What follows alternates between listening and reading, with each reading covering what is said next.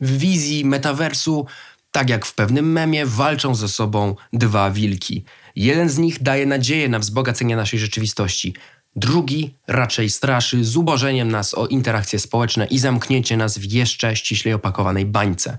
Czym jest nowy cel Facebooka i jak mogą wyglądać pozytywne i negatywne scenariusze rozwoju metaversu? Witam w Septechu, podcaście Klubu Jagiellońskiego. Ja się nazywam Bartosz Paszcza. Wydajemy nasz podcast przede wszystkim dzięki naszym darczyńcom. To kolejny odcinek, który powstaje wyłącznie dzięki ich wsparciu. No a nasz podcast wydaje, montuje wspaniały montażysta Konrad Trzebicki. W tym miejscu w imieniu moim i Konrada chciałbym Wam, drodzy darczyńcy i drodzy słuchacze, serdecznie podziękować. Zachęcam do wpłat na stronie klubujagielloński.pl. Zachęcam też do wystawiania ocen podcastowi w aplikacji Apple Podcast. Każda taka ocena pomaga no, pomaga nam się rozwijać, pomaga nam poprawiać jakość, ale też motywuje do działania.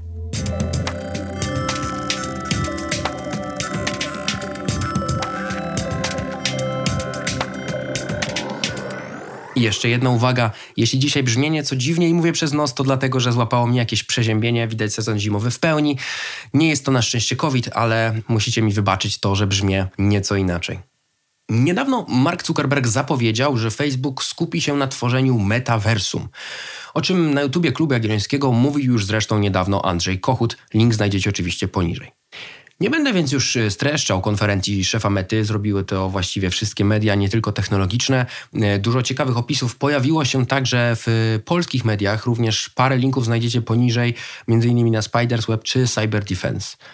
Więc tutaj może tylko skrótowo zaczniemy od powiedzenia sobie, czym w ogóle jest to metaversum. Od razu zaznaczę, że nie jestem specjalistą od pojęć pochodzących ze świata sci-fi. Spróbuję więc wyjaśnić to najprościej, jak tylko rozumiem, na potrzeby dzisiejszego odcinka. Metaversum to więc przestrzeń gdzieś poza, ponad albo obok świata rzeczywistego, interakcja z którą i w której zachodzi poprzez narzędzia technologiczne.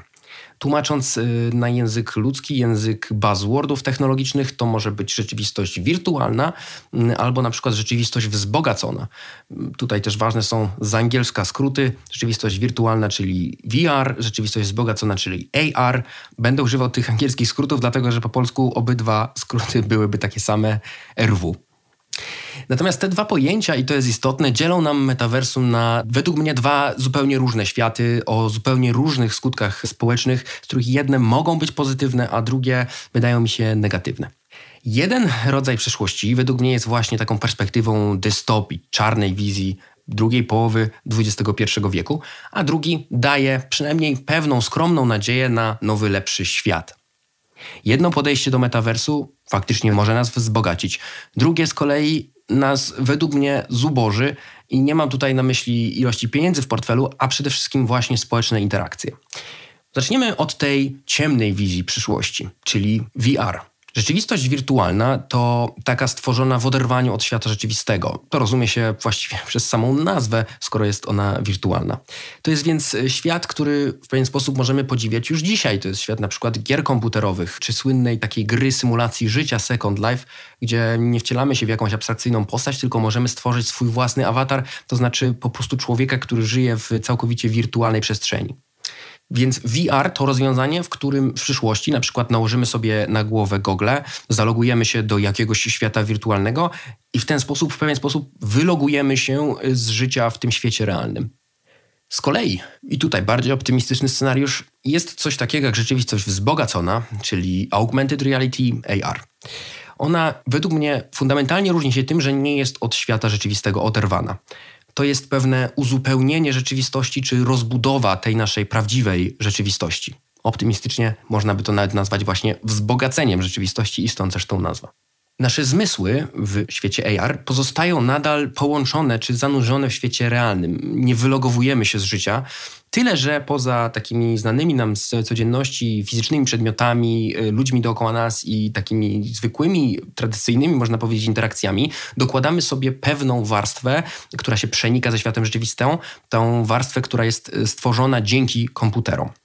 Elementami AR są zachowania, w których technologia na przykład już dziś wspomaga nas na co dzień w interakcji ze światem, czyli przeróżni inteligentni asystenci, telefony rozumiejące nasz głos, a w przyszłości pewnie coś, co już widzieliśmy na przykład przy okazji Google Glass, czyli jakieś przeróżne metody wyświetlania wirtualnej warstwy na świecie rzeczywistym. Również być może część z Was kojarzy okulary Microsoftu, które w podobnym kierunku dążą, żeby jako pewną nakładkę na, na to, co widzimy gołym okiem, wyświetlać różne wirtualne przedmioty. I tutaj dochodzimy do sedna, bo Mark Zuckerberg zaprezentował nam w czasie swojej prezentacji mm, w dużej mierze właśnie metaversum, według mnie w rozumieniu tej rzeczywistości wirtualnej. I to jest w pewnym sensie zrozumiałe, że opiera się właśnie na rzeczywistości wirtualnej, bo jest to firma, do której należy przecież Oculus, czyli twórca ekosystemu, twórca okularów rzeczywistości wirtualnej, tej całkowicie wyłączającej nas ze świata. Jest to wreszcie też zrozumiałe z innego powodu. Sam Mark zapowiada, że metaversum powinno się zacząć od zastosowań służbowych, a więc stworzenia nowej przestrzeni do pracy zdalnej. W pewien sposób y, to jest podobne do, do tej narracji, którą wprowadza właśnie Microsoft wraz ze swoimi okularami tej wzbogaconej rzeczywistości, e, który również skupia się na zastosowaniach służbowych, a nie takich konsumpcyjnych, czyli nie business to customer, mówiąc pięknie po angielsku. Wracając do Marka Zuckerberga, no musimy mieć też z tyłu głowy fakt dosyć oczywisty. Meta czy Facebook jest firmą, która jest absolutnym światowym ekspertem, czy nam się to podoba, czy nie, w wirtualizacji naszych społecznych kontaktów i interakcji. W końcu, ponownie, czy tego chcemy, czy nie, przenieśliśmy całkiem spory element naszego społecznego życia, interakcji do Facebooka, Instagrama czy WhatsAppa. Mm, nie jest to jeszcze w pełna jakaś rzeczywistość wirtualna, chociaż myślę, że po tym, jak prezentujemy się online, jak to wrzucamy wyłącznie zdjęcia z wspaniałych wydarzeń naszych życiu, drogich wakacji i pięknie zastosowanych filtrów na Instagrama, można by tutaj argumentować, że w pewien sposób ten wirtualny element rzeczywistości kreowanej przez nas e, na tych platformach również istnieje. Więc w tym sensie te słowa Zuckerberga o tworzeniu rzeczywistości wirtualnej są pewnym krokiem dalej, e, właśnie w wirtualizacji, w przeniesieniu do sieci, w przeniesieniu na platformę naszych społecznych kontaktów. Mi oczywiście no, nie do końca podoba się ten kierunek. I zaraz opowiem dlaczego. Bo fakt, że Meta czy Facebook jest w tym ekspertem, fakt, że Meta czy Facebook chce się skupić najpierw na zastosowaniach służbowych, no nie kasuje fundamentalnego pytania, czy taka wirtualizacja społeczeństwa, nas samych, naszych interakcji jest dla nas dobra. I czy dalsze przenoszenie społecznych więzów do całkiem już y, wirtualnego świata to dobry kierunek. I w odpowiedzi na to pytanie myślę, że powinniśmy zacząć od tego, żeby oddać cesarzowi co cesarskie Według mnie Facebook poszukuje odpowiedzi na naprawdę realny problem. Praca zdalna, szczególnie praca na duże odległości, no to jest spore wyzwanie. Myślę, że wielu z nas podczas pandemii się o tym przekonało. Przed pandemią bardzo niewielu z nas miało możliwość pracy zdalnej, takiej regularnej pracy zdalnej, często spędzania większości czasu naszej pracy z domowego biura. Teraz jest to zjawisko jeszcze nie powszechne, w tym sensie, że wciąż wiele zawodów nie ma takiej możliwości, ale bardzo wielu z nas miało z tym przynajmniej styczność. No i bardzo wielu na przykład uczniów miało z tym oczywiście styczność w przypadku nauki zdalnej. I z jednej strony jest to, pewnie czujemy wszyscy, ogromna wygoda. Nie trzeba rano się wcześniej zrywać, nie trzeba wchodzić do tego pełnego ludzi autobusu, wychodzić na zewnątrz, docierać, tracić czas w komunikacji i tak dalej, i tak dalej. Jest to wygoda, oszczędność czasu, w międzyczasie w domu możemy różne rzeczy porobić. Złośliwi mówią, żeby oglądać serial, ale tak naprawdę badania tego nie potwierdzają. Pracownicy częściej może włączają pralkę czy wieszają pranie w czasie 10-minutowej przerwy. I oczywiście szczególnie odczuwają to takie branże, które musiały na przykład podróżować do klientów. Ja w takiej pracuję i czuć różnicę, e, kiedy nie trzeba pakować walizek, jechać gdzieś na parę dni, żeby tam się z kimś spotkać, tylko można to wszystko załatwić z domu, bo my, jak i klienci są przystosowani już do tego, że można się dzwonić, nie trzeba już sobie osobiście uścisnąć rąk na drugim końcu Europy. No ale oczywiście z drugiej strony, i na to również wielu zwraca uwagę, praca z domu no niemal zupełnie kasuje nam społeczny aspekt pracy. Aspekt, który jest istotny dwutorowo, bo jest oczywiście istotny w efektywnej pracy w grupie i to wszystko, na czym skupiają się same firmy czy osoby zarządzające firmami, to znaczy, że potrzebujemy sprawnie działających zespołów, żeby one działały. Ten społeczny aspekt pracy ma też drugi wymiar, bardzo osobisty. Praca jest nie tylko miejscem, w którym klepiemy swoje rzeczy i zarabiamy pieniądze, praca jest też naszym środowiskiem, poznajemy tam ludzi, wymieniamy informacje, dowiadujemy się więcej, e, tworzymy więzi, zaufania, mm, no też po prostu dobre znajomości. I pandemia, praca zdalna, w dużej mierze dla wielu osób ogranicza właśnie tą integrację ze współpracownikami, to wypracowywanie więzów, te rozmowy przy kawie, które mogą być trochę stratą czasu, ale pozwalają stworzyć wspólnotę. I na ten problem Facebook chce znaleźć odpowiedź. Oczywiście, czy to się uda, naprawdę ciężko ocenić. Według mnie nadal pozostaje pytanie, czy takie wirtualne spotkania w zrenderowanych salkach konferencyjnych pozwolą nam faktycznie zastąpić takie przypadkowe spotkania w biurze, e, ludzką mimikę, prawdziwą interakcję, taką przypadkowość biurowego chaosu. Czy zobaczenie naprawdę nawet najdoskonalszej, zanimowanej postaci naprawdę będzie się dla naszej psychiki, dla naszego samopoczucia znacząco różnić od zobaczenia tylko kawałka czyjejś twarzy na kamerce na Teamsach? No, ja mam tutaj szereg wątpliwości, ale technologia nie raz, nie dwa nas zaskakiwała. Być może gdzieś czai się rozwiązanie, które faktycznie pozwoli poprzez komputer zapewnić nam lepszą interakcję niż do tej pory właśnie wszystkie te telekonferencje uwielbiane przecież przez nas wszystkich. No i tutaj możemy spojrzeć na, na przykłady historyczne, które już sobie wspomniałem, na to, co już się dzieje, bo przecież mamy właśnie grę symulację Second Life, polegającą na przeżywaniu życia pewnego stworzonego wirtualnego awatara człowieka w wirtualnej rzeczywistości. W Second Life istnieją nawet rezydentury oficjalnie działających kościołów, są zawierane małżeństwa ale wciąż ta mająca prawie 20 lat gra, chociaż w pewnym sensie był na nią niesamowity hype, niesamowita moda, ale jest niszą, a nie jest rozwiązaniem dla nas wszystkich. I pewnie, i to jest pewną wartością, jest jakaś grupa osób, dla których taka wirtualna interakcja, uczestniczenie w wirtualnym życiu społecznym jest równie dobre albo nawet lepsze niż y, na przykład brak interakcji w świecie realnym, wynikający z różnych często osobistych powodów. No ale patrząc masowo, takie przypadki to raczej wyjątki, a nie reguła, jednak dla większości z nas cenimy sobie wyżej te interakcje społeczne w innej formie. Nie tworzymy sobie awatarów w Second Life, e, nie zawieramy małżeństw przez internet, jeśli już to używamy jakiejś aplikacji do poznania osób, ale później spotykamy się z nimi już całkowicie w realnym świecie. No ale oczywiście mamy tutaj nie tylko Second Life, bo myślę, że tutaj naprawdę warto obserwować to, co dzieje się w świecie gier, szczególnie Fortnite'a czy Minecrafta, to gry, które przestają być grami, stają się platformami do właśnie wirtualnego życia. Mm, odbywają się tam między innymi od niedawna wirtualne koncerty gwiazd, na których gracze spotykają się po to, żeby poskakać e, swoimi awatarami, po to, żeby posłuchać muzyki. Oczywiście można mieć lepszy widok na gwiazdę, którą przyszliśmy zobaczyć niż, niż na tradycyjnym koncercie. Możemy spotkać się w setkach czy dziesiątkach tysięcy osób w tych światach wirtualnych czy jest to to samo, co koncert w świecie prawdziwym? Myślę, że dla wielu nie, ale z drugiej strony, ile razy w roku jesteśmy w stanie wybrać się na prawdziwy koncert, a ile razy w roku moglibyśmy wieczorem usiąść i taki wirtualny koncert odpalić. Ale nie wydaje się, że gry, przynajmniej w swoim obecnym stadium, że te wirtualne światy w obecnym stadium są dobrym substytutem do realnych więzi społecznych. To problem, który znany jest w takiej stereotypowej formie, w takiej stereotypowej postaci y, zbyt zahukanego gracza, który, który spędza przed komputerem długie godziny w okresie nastoletniego rozwoju, a później z trudem odrabia y, lekcje takich społecznych interakcji, wypracowuje sobie takie społeczne normy współpracy w grupie.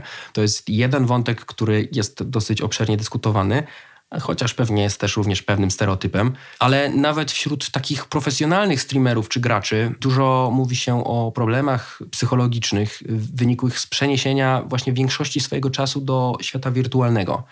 I to jest według mnie istotne, dlatego że nawet, nawet streamerzy, których oglądają setki, tysiące osób, yy, ludzie, którzy dostają wynagrodzenie za realizowanie się w, w tych światach wirtualnych, ludzie, którzy są otoczeni owszem, czasami hejtem, ale też dużą dozą uznania i dużą dozą takiego codziennego kontaktu z osobami, które ich oglądają, mm, czy w formie wirtualnej, czy czasami nawet w formie realnej jakichś spotkań, jakichś konkursów, jakiegoś umawiania się e, z fanami na spotkania, to nawet wśród nich występują takie właśnie problemy wynikające też z osamotnienia, też e, z pewnego braku balansu między życiem a bytem w świecie wirtualnym. Bardzo zachęcam tutaj do zajrzenia tekstu, który jakiś czas temu ukazał się na naszym portalu. Autorem jest Mikołaj Dłubak, e, który sam jest graczem, jest e, też fanem tego świata i w bardzo ciekawy sposób opisał to, jak w czasie naprawdę ostatnich miesięcy dyskusja o problemach psychologicznych w, w gronie właśnie takich profesjonalnych graczy i streamerów się znacząco rozwinęła również u nas w Polsce. Link oczywiście w opisie. Więc Mam nadzieję, że się w pewien sposób zgodzimy, że dla większości z nas te cyfrowe interakcje są jedynie takim erzacem, zastępnikiem życia społecznego, być może ciekawym, być może trochę rozszerzającym nam codzienne życie, ale nie mogą one zastąpić nam tych relacji znanych ze świata rzeczywistego. Co więcej, czasami ten, ten erzac, ten produkt zastępczy, czekoladopodobny, jeśli jest doprowadzony, jeśli zajmuje nam większość naszego życia, jeśli zaczyna wypierać poprzez zajęcie czasu te społeczne interakcje w świecie rzeczywistym, to może negatywnie odbijać się na naszej psychice. Zresztą dopiero co Frances Hogan wyciągnęła z wewnątrz y, tej samej firmy, jeszcze wówczas nazywającej się Facebook, tej, która dzisiaj chce tworzyć metaversum, dokumenty mówiące właśnie o tym, że na przykład wśród znacznego odsetka nastolatek intensywnie używających Instagrama potrafiły się pogłębić problemy związane z akceptacją własnego wyglądu, no mimo tego, że w sumie spędzali czas, spędzały czas w aplikacji przeznaczonej do kontaktu z innymi ludźmi.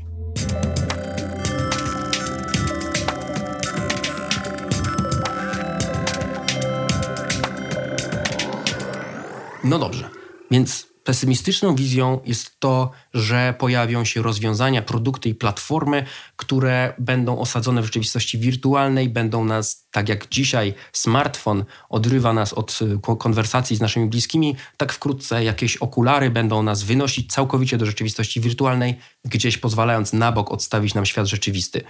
Więc tam zawsze będziemy mogli być szczupli i piękni, tym bardziej może nawet tutaj nie będziemy musieli o siebie dbać, dbać o siebie, o bliskich, o nasze interakcje. Więc pytanie, czy jest jakaś bardziej optymistyczna wizja? No i oczywiście myślę, że można taką wymyślić. Wydaje mi się, że nie jesteśmy skazani na tą całkowitą wirtualizację rzeczywistości, bo metaversum nie musi nas społecznie zubażać. I żeby to zrozumieć, myślę, że możemy spojrzeć na nieco mniej znaną firmę, Niantic. Myślę, że wielu z Was, szanowni słuchacze, może nie kojarzyć tej nazwy, ale na pewno kojarzycie jeden z jej produktów. W 2016 roku nowego rodzaju gra szturmem zdobyła nasze smartfony. Tak szybkiego, szeptanego marketingu nowej aplikacji nie słyszałem chyba od czasów Instagrama, a jeszcze wtedy przecież e, smartfony nie były tak popularne, więc były to trochę inne czasy. Pokémon Go, bo to o niej mowa, jest aplikacją, która wykorzystuje nasze telefony, znajdujące się tam GPS i żyroskop właśnie z naszych smartfonów, pokazując nam mapę z naniesionymi Pokémonami do złapania. Co istotne, to nie jest świat wirtualny, mapa jest całkowicie rzeczywista, spacerujemy więc po dobrze znanych nas ulicach, dobrze znanych nam parkach e, czy lasach, po to, żeby złapać całkowicie wirtualne Pokémony, które gdzieś tam się kryją po krzakach. I myślę, że większość e, z nas, e, przynajmniej te parę lat temu, w 2016-2017 roku, e, spotykała takie różne grupki gdzieś stojące na mieście, które wpatrzone w smartfony stały dookoła siebie. No, parokrotnie mi się to zdarzyło i były to, co ciekawe, według mnie, nie tylko grupki jakiejś młodzieży, ale również były tam osoby dorosłe, osoby czasem nawet starsze. I oni czatowali w jednym miejscu na to, a na pojawienie się na respawn jakiegoś rzadkiego Pokemona, którego, którego chcieli złapać. I według mnie samo to wspomnienie e, pokazuje nam diametralną różnicę między światem wirtualnym, omawianym wcześniej, a tym wzbogaconym światem AR.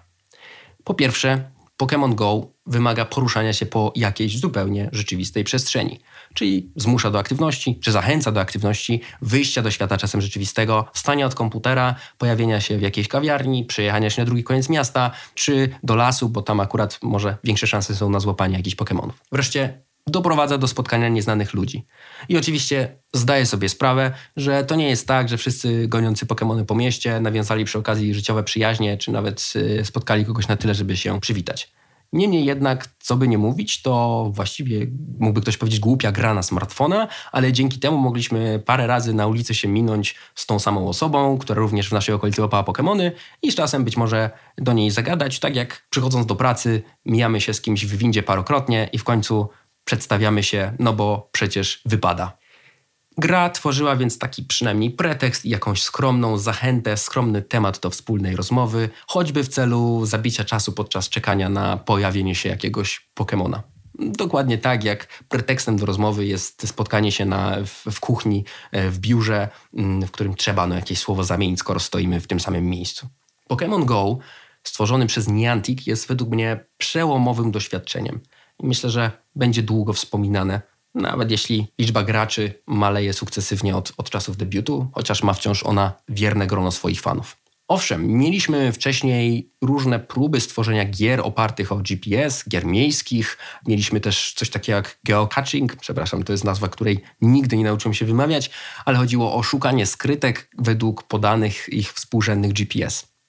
Ale według mnie Pokémon Go to pierwsze udane połączenie świata wirtualnego i rzeczywistego, pierwsze faktyczne wzbogacenie świata rzeczywistego o ten element wirtualny.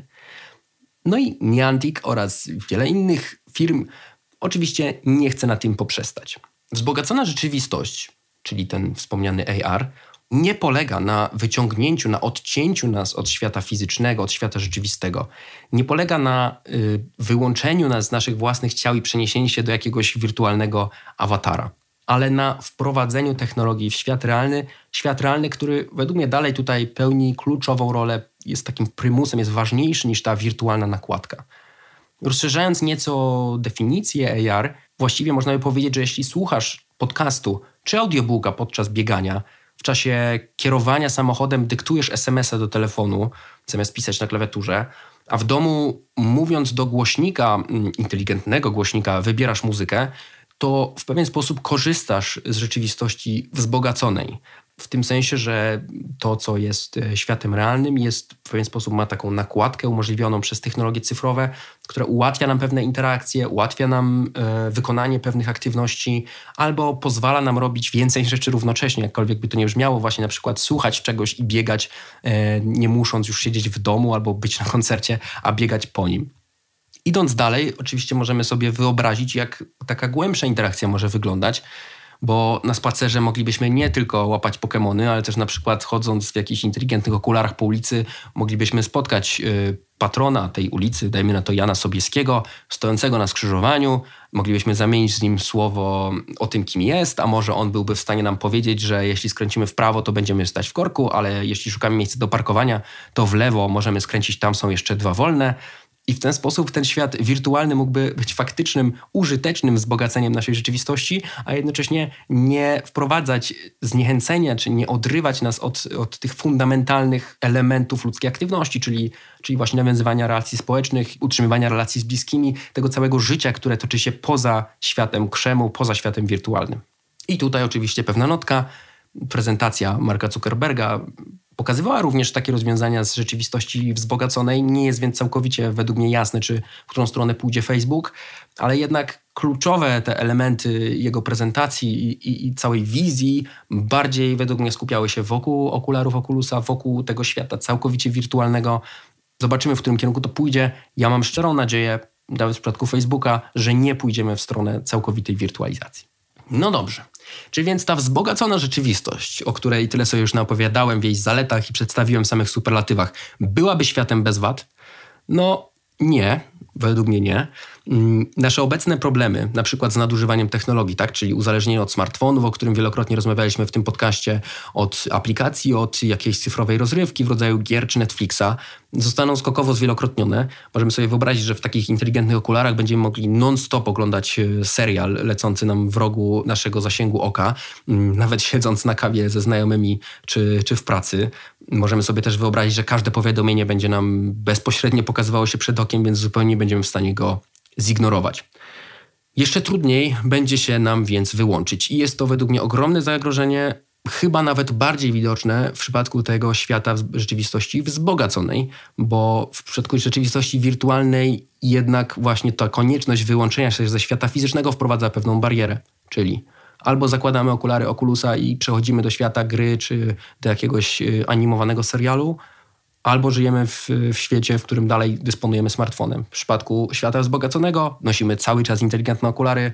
Jeśli sobie tych powiadomień nie wyłączymy, to cały czas będą nam one przychodzić. I to jest szalenie ciekawy aspekt całej sprawy, bo według mnie te całe dyskusje, które toczyliśmy już wielokrotnie w ramach tego podcastu, a o których pewnie słyszeliście w różnych źródłach, o dominującej roli platform, o prywatności naszych danych, o walki o naszą uwagę, to nagle nabierają skokowo jeszcze większego znaczenia. Ta walka o to, żeby reklamy, profilowanie i wszędobylskość takich ogrywających nas behawioralnie algorytmów nie przelała się na świat wzbogacony i wirtualny, staje się naprawdę kluczowa. Szczególnie dlatego, że w świecie wzbogaconym i wirtualnym czają się pieniądze większe niż w tych w sumie przecież prostych reklamach na Facebooku czy YouTubie, które znamy od wielu lat, znamy z telewizji, znamy z gazet, forma się nie zmieniła, zmieniło się tylko profilowanie.